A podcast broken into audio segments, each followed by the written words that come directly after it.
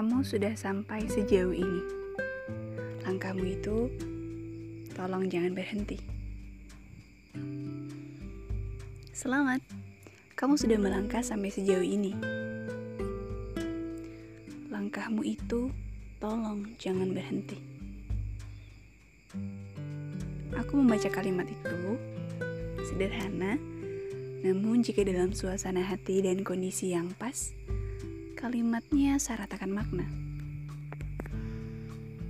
Dalam. Selama itu langkah-langkah kebaikan, tolong jangan berhenti. Kamu mungkin sudah lelah atas kepenatan hidup yang selama ini telah kamu lewati. Cerita-cerita yang telah kamu dengar, pengalaman-pengalaman yang membelajarkanmu arti kesabaran. Persepsi orang lain memang di luar kendali kita.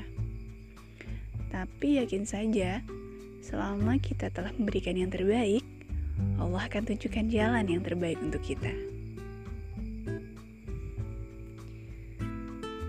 Semakin aku menjalani hidup dengan mensyukurinya, aku perlahan jadi paham betapa tangan-tangan Allah itu teramat sangat indah mengurusi urusan hambanya.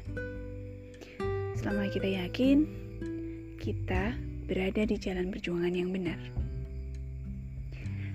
Pastinya dengan tidak lupa mengevaluasi diri atas semua kata dan laku yang diperbuat.